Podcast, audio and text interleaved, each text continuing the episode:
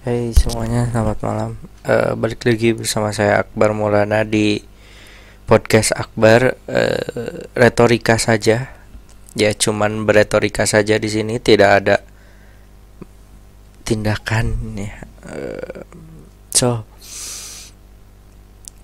setelah seminggu membuat rekaman podcast, balik lagi. Uh, ya ternyata susah juga ya mencari topik dalam seminggu bahasan buat dibahas di podcast dan entah nggak ngerti, gak ngerti gitu, gimana caranya biar bisa selalu ada topik yang menarik gitu setiap minggu ternyata susah ya. Ya mun. Ya nggak tahu sih. Ternyata sulit juga ya Kon uh, ya mencari topik gitu tiap minggu. Hmm. ya dan gimana kabarnya? Aduh kayak yang denger aja orang kemarin ada udah apa udah dikasih cara buat nanya di podcast di email ngirim email buat nanya ke di podcast akbar at gmail.com masih aja nggak ada yang email jadi kayaknya nggak ada yang dengerin juga nih podcast. Kalau misalnya ada yang dengerin ya komen dong. Ya minimal maka kasih tau lah ke ke saya gitu. Di sini tuh ada yang dengerin gak gitu. Biar saya juga semangat gitu bikin podcastnya. Terima kasih sebelumnya. Kayak formal formal banget ya padahal kan nggak nggak harus formal. Dan gimana nih kalian? Duh udah udah akhir bulan eh akhir tahun November yang sebentar lagi Desember dan tahun 2016 gini berakhir gimana? Sudahkah kalian mencapai apa yang kalian tunjukkan? Bagi yang kelas 3 strata ya mau dari atau kelas 6 SD, kelas 3 SMP atau kelas 3 SMA ya nggak tahu sih atau misalnya ya pasti tahun 2016 ada tahun perubahannya. Yang ketika awal bulan Januari ketika awal tahun masih sekolah SMA sekarang udah mulai kuliah. Gimana perbedaannya menyenangkan antara kuliah dengan uh, apa uh, sekolah SMA dengan seragam kemudian berubah menjadi tidak berseragam lagi ketemu dengan kalau misalnya yang dari SMA langsung kerja gimana perasaannya setelah SMA bebas tidak ada tuntutan sekarang ada tuntutan dari bos yang lebih kejam daripada guru ketika menuntut tugas gimana? Pasti wah galau-galau gitu ya. Dan gimana yang biasanya kuliah yang biasanya sekolah ketemu dengan guru sekarang ketemu dengan dosen Suka memberikan kejutan-kejutan kecil kah dosen? Seperti kuis mendadak? ya, pasti ya selalu. Dan gimana nih?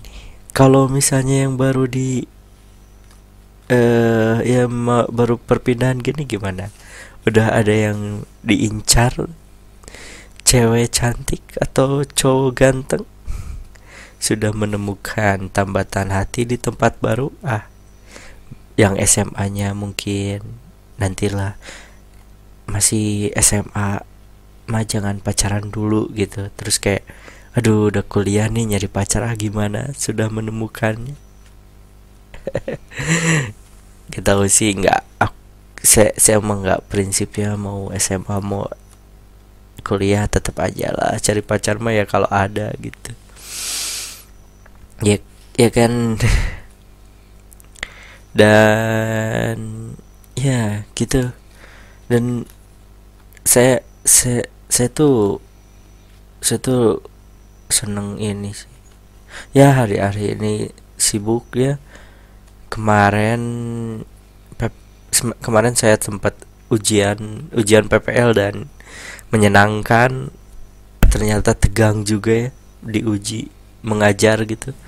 Ujian PPL program pengalaman lapangan gitu program praktek lapangan ya pokoknya kita belajar kita belajar mengajar gitu. Dan wah luar biasa gitu kayak keren keren. Dan berjalan lancar alhamdulillah semuanya uh, ya mudah-mudahan tidak mengecewakan ya meskipun agak tegang di awal dan lupa. Ya mudah-mudahan ada ya bisa ngebanggakan lah istilahnya gitu. Dan gimana? Dan entah sih satu lagi masalah ya sama wak waktu gitu. Kayak kayak kita tuh tahu gitu apa yang harus kamu kita tuh harus mengefektifkan waktu tapi kita tuh selalu kerdistrak sama apa yang kita tuh butuhkan dan apa yang harusnya kita wajib lakukan gitu. Itu masih terlalu bingung gitu. Nih saya ini rekaman podcast aja harus menunggu selama dua jam untuk bermain-main dulu di tempat yang sebenarnya nggak penting gitu. Aneh kan? Coba kalau misalnya dari tadi rekaman mungkin sekarang gue bisa tidur. Ya. saya bisa tidur ya sekarang. Ya seperti itulah. Cowok-cowok yang labil tapi mudah-mudahan gak akan ini sih. Nggak akan mengurangi niat. Niat tulus c enggak sih? Ya semoga ke depannya lebih baik lah. Saya saya, saya tuh ya lebih lebih lebih disiplin mudah-mudah masih aja berharap padahal dari tadi ah banyak berharapnya doang. Dan ya gitu lah. Dan yang ini ya gua gua gua tuh ya eh, saya tuh ya khawatir ya kenapa sih sekarang tuh ya dengan kemarin kasus kemarin demo ya jadi kayak banyak sekali orang-orang yang merasa unggul dari golongannya yang lain dan situ khawatir itu tuh sebenarnya berusaha untuk upaya memecah belah tau gak sih? Situ takut gitu kayak sekarang tuh ya di status Facebook di Twitter banyak tuh yang kayak bangsa kami lebih baik. Ini mbak jangan jangan mendukung. Lihat bagaimana TKI apa? Tenaga kerja dari Tiongkok keluar gitu. Kan kan ini kan gak juga ya. Pasti yang dari Tiongkok juga kan benar kerjanya. Gak mungkin gak mungkin salah. Maksudnya ya nggak usah berdasarkan syarat itu Islam lebih unggul semua pahlawan di Indonesia. Kemerdekaan Indonesia diperjuangkan oleh darahnya para syuhada dan ulama. Lah emang cuman ulama doang gitu? Ya pasti semuanya umat Islam lah. Eh ya semuanya umat beragama lah. Mungkin dari etnis mungkin dari Konghucu ada dari Buddha ada dari Sunda Wiwitan pokoknya agama kepercayaan tradisional Indonesia banyak lah gak cuman Islam doang. Dan ketika ada yang mendiskreditkan kayak misalnya wah bangsa Tiongkok akan menguasai dunia dengan kapita menguasai Indonesia dengan memperjuangkan dengan mendirikan bangunan-bangunan untuk mereka gitu. Ya nggak apa-apa. Jangan mendeskripsikan bahwa mereka tuh cuman mengencari untung gitu doang. Yang enggak juga ya masih ada yang pasti ada juga yang berniat baik loh. Ya kan? Dan nggak nggak semuanya. Kayak banyak kok banyak kok yang tidak apa? Ya maksudnya eh, bangsa bangsa lain atau ya bangsa luar gitu yang berbuat baik untuk Indonesia. Banyak. Kayak misalnya di ini dari pendeta namanya ada pahlawan namanya Sugija Albertus Sugija kalau nggak salah nggak tahu namanya gimana. Dia adalah pahlawan pendeta yang dianugerahi oleh pahla dianugerahi pahlawan nasional Soekarno. Dan itu tidak juga harus didiskreditkan dia juga harus dihargai dong. Benar nggak? Ya ya gitu kalau menurut saya. Dan terus juga kalau misalnya itu ya kalau dari unsur agama terus dari unsur etnis lain misalnya dari bangsa Tionghoa. Banyak kok yang misalnya dari etnis Tionghoa tuh kayak Yap Tiam Him. Dia adalah pengacara yang membela kaum ka, kaum tertindas di Indonesia. Penggiat HAM di Indonesia. Bahkan dia mendapatkan gelar ini eh apa? Jadi ada ya Tiamin Award uh, award untuk para penggiat HAM yang dia namai Yap Tiam Him seorang Cina. Nama seorang Cina bukan nama seorang Indonesia. Itu juga kan sebuah bukti bahwa tidak semuanya orang Tiongkok ya. Saya tidak mau menyebut Cina karena sekarang kan namanya Tiongkok ya. Nggak tahu sih. Terlalu idealis padahal biasa aja. Ya ya gitu Tiongkok gitu kan yang yang jelas-jelas ya nggak ini yang jelas-jelas dia berbuat baik untuk Indonesia gitu ya kan? Dan juga kayak misalnya kayak misalnya dari Indonesia ada eh dari barat dari barat banyak juga tuh yang kayak gitu. Kayak misalnya kayak misalnya ada dari ini uh, apa namanya? Saya lupa namanya tapi dari yayasan lontar. Search aja di Wikipedia. Pokoknya ada di yayasan lontar. Dia tuh ada sebuah yayasan lontar itu adalah upaya untuk me, me mempopulerkan sastra Indonesia dengan menerjemahkan sa karya sastra Indonesia ke dalam bahasa asing. Dalam eh, itu Yayasan Lontar. Dan salah satu pendirinya adalah seorang bangsa luar negeri yang yang yang yang berusaha untuk mempopulerkan ba, ba, apa eh, karya sastra Indonesia ke luar negeri. Itu juga kan harusnya itu juga kan sebuah tanda bahwa se tidak semuanya bangsa luar itu tidak baik gitu dan kalau kalau saya tuh ya saya khawatirnya tuh kayak mendisket gitu tuh kayak jadinya nanti tersinggung. Akhirnya konflik dan itu adalah upaya memecah belah sebenarnya. Dan juga ketika ada yang merasa mengagung-agungkan golongannya juga kan sama aja. Dengan upaya memecah belah dengan tidak lain mendiskreditkan uh, bangsa lain gitu.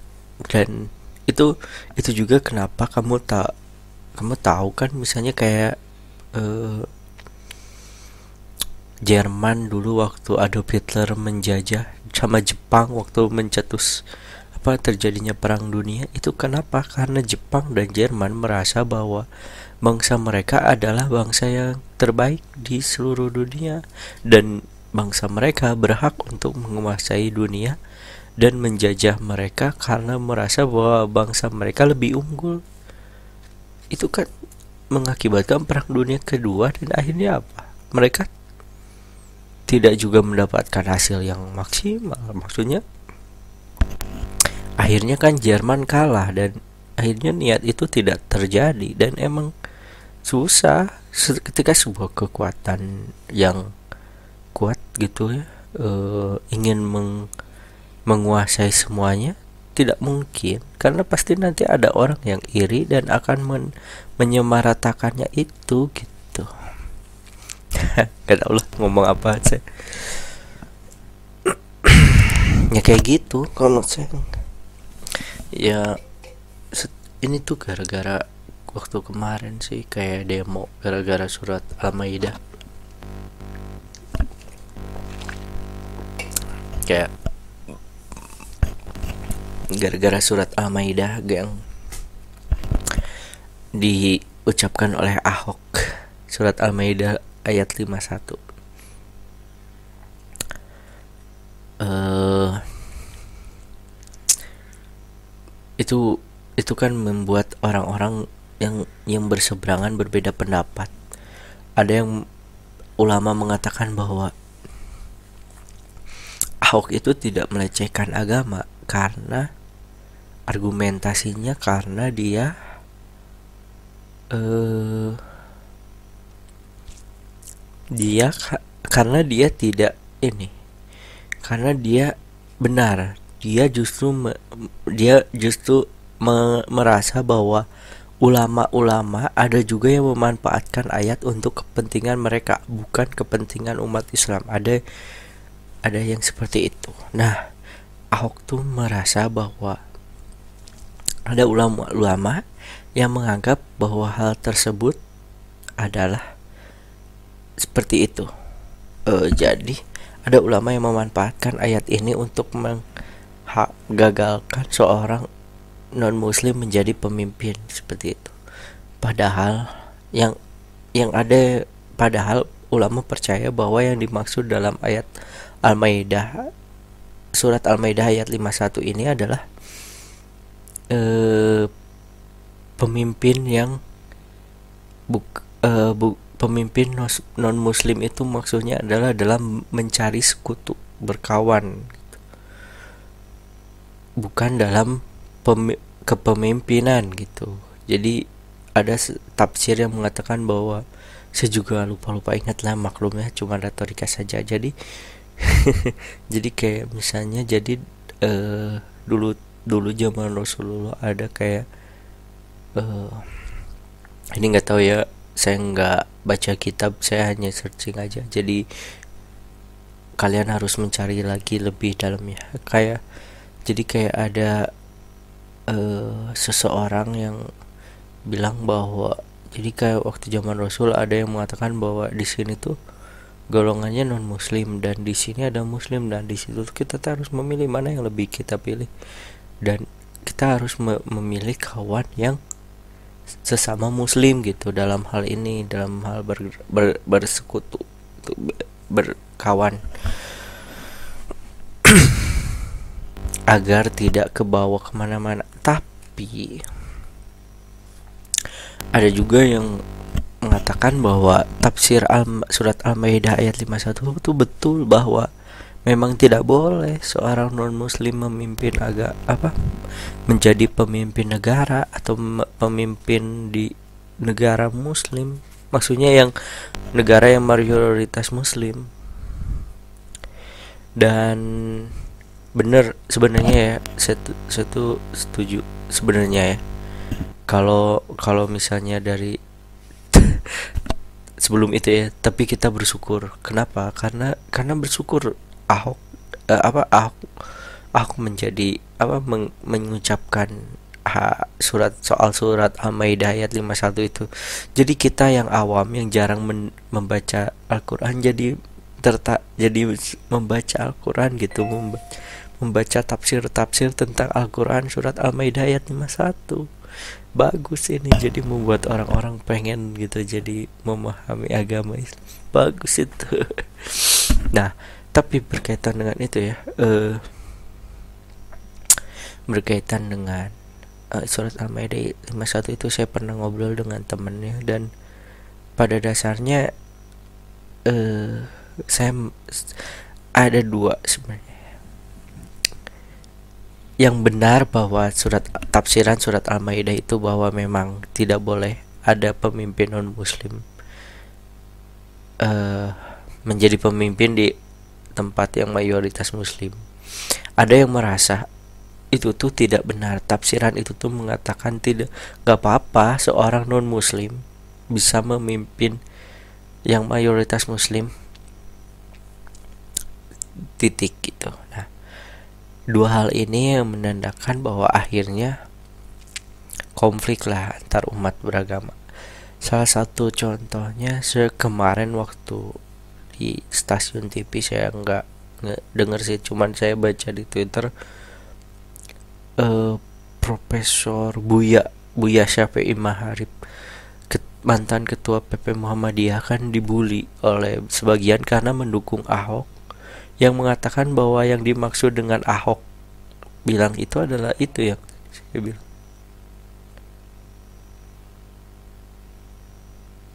Untuk meng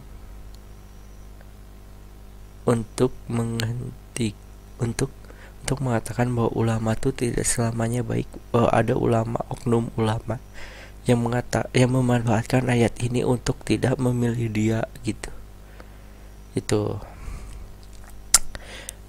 yang membodohi umat dengan ayat Al-Quran gitu dengan tafsiran Al-Quran semau dia gitu bukan maksudnya yang tadi ya salah itu. Mungkin itu. Dan yang paling penting dari Buya Syafi'i mengatakan bahwa Ahok kepilih Ahok jadi sekarang bisa jadi banyak pendukungnya itu karena umat muslim tidak pernah tidak menghasilkan figur yang bisa menjadi calon pemimpin yang kuat. Dan emang benar. Entah entah karena politik yang tingkat atas sehingga umat muslim susah maju? Atau memang benar-benar tidak ada kader muslim terbaik?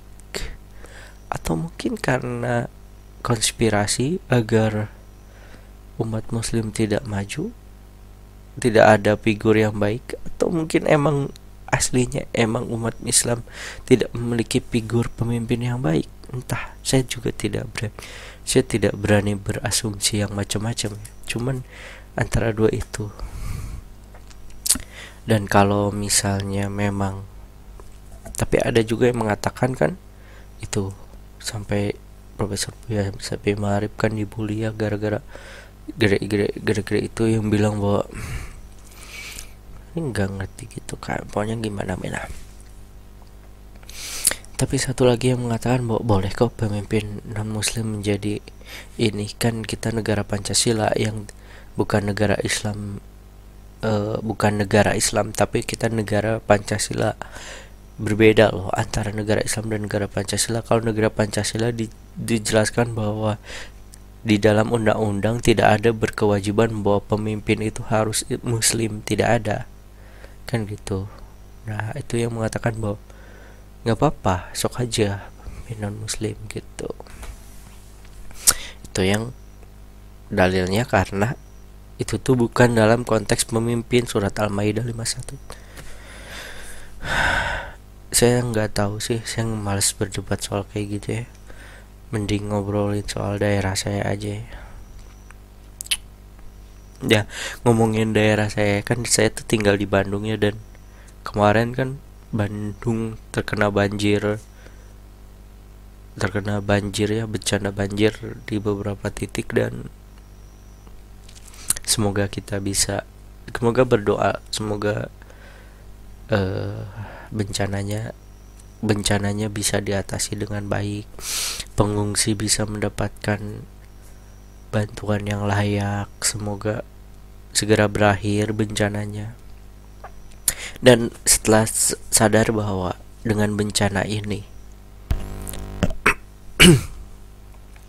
akibat bencana ini saya tuh merasa bahwa emang betul sih bahwa keindahan kota tuh tidak sebanding tidak berbanding lurus dengan aman tidaknya kota tersebut gitu. Kayak jadinya kayak sekarang tuh uh, saya takutnya ya uh, cuman kamu plase gitu jadi banyak kota-kota besar di Indonesia yang sebenarnya tidak aman cuman indah gitu. Jadi kayak etalase kotanya indah cantik gitu tapi tidak aman.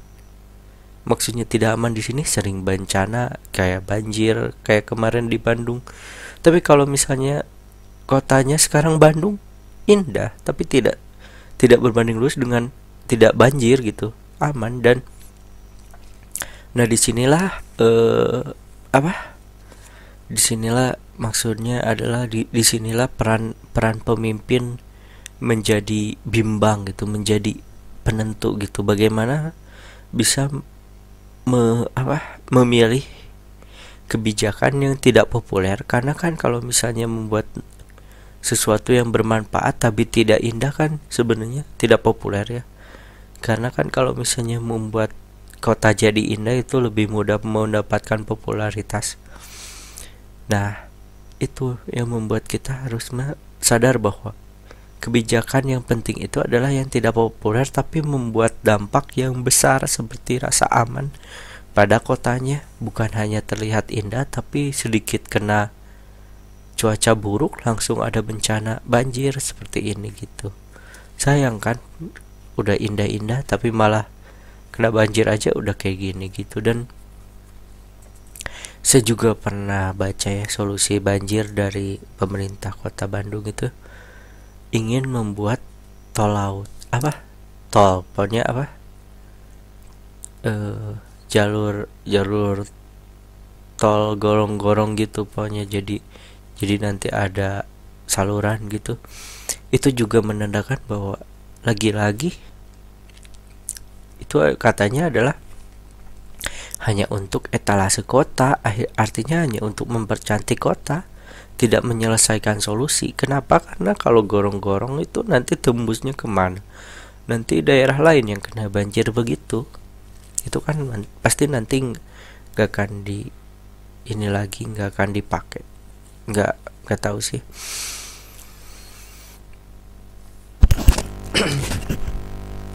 harusnya kan mencari mencari solusi yang aman dulu yang yang bisa membuat kotanya aman dulu daripada nyaman dilihat gitu. Mungkin gitu ya dan ya emang emang benar sih dan eh uh, ya ya soal kota itu dan balik lagi ke yang tadi ya yang suka loncat-loncat gini ampun dah. Ya pokoknya gitu ya. Balik lagi ke yang tadi ya uh,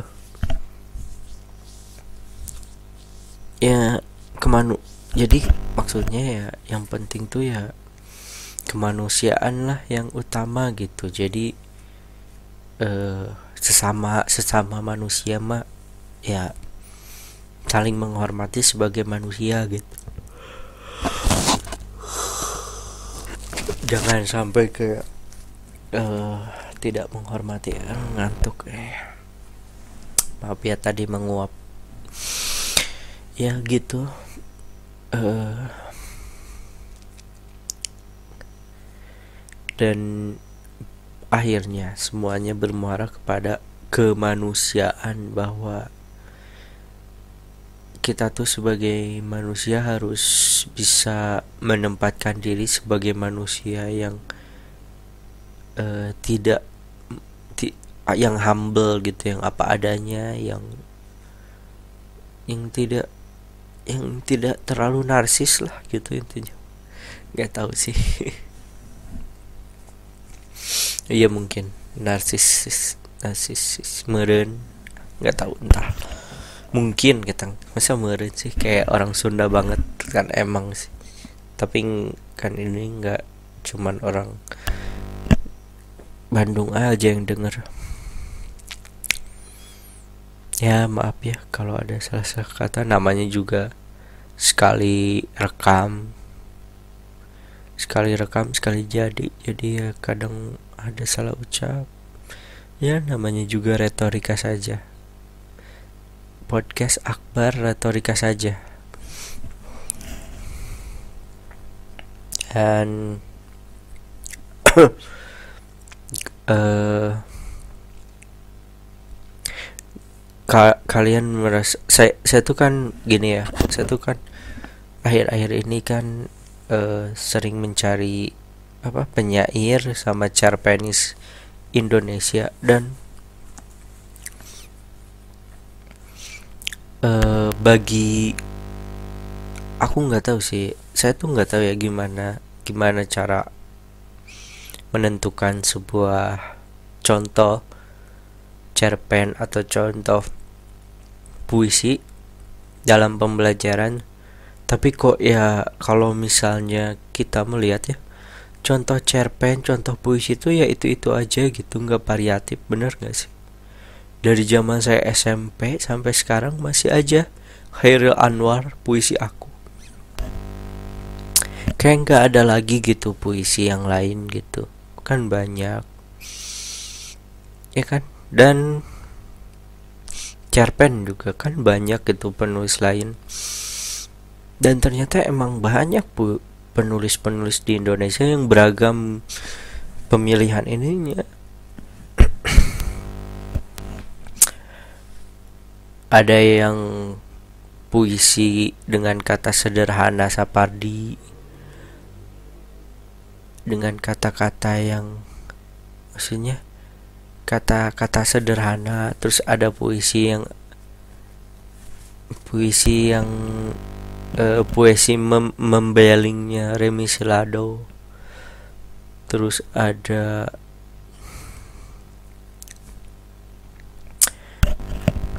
banyak ada puisinya Acep Jam-Jam Nur.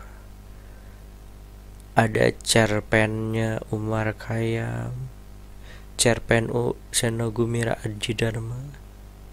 Banyak banyak banget. Ada dari Vira Basuki penulis muda. Nggak tahu sih nggak tahu yang mana. Belum searching ke situ. Banyak banyak. Dan harusnya kan mereka ya cerpen-cerpen itu ya jadi contoh juga lah bagi anak-anak SMA nggak tahu sih mungkin karena tidak qualified gitu. Tidak cocok umurnya dengan anak SMA makanya nggak dipakai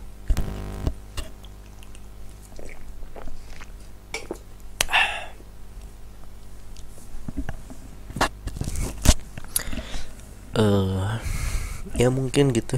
Mah apa kan sambil minum ya namanya juga siaran inilah nggak berbayar. Uh, dan besok ya insya Allah. Ya uh, biar nggak biar ada ya biar tahu gitu ada yang dengerin ya komentar lah di di YouTube atau mungkin di Facebook lah komentar. Eh saya dengerin ya gitu atau gimana gitu ya biar saya tahu gitu bahwa ada yang dengerin biar saya juga. Jadi niat banget gitu buat ngejoinnya ya. Ya dong. Hmm, bantulah bantu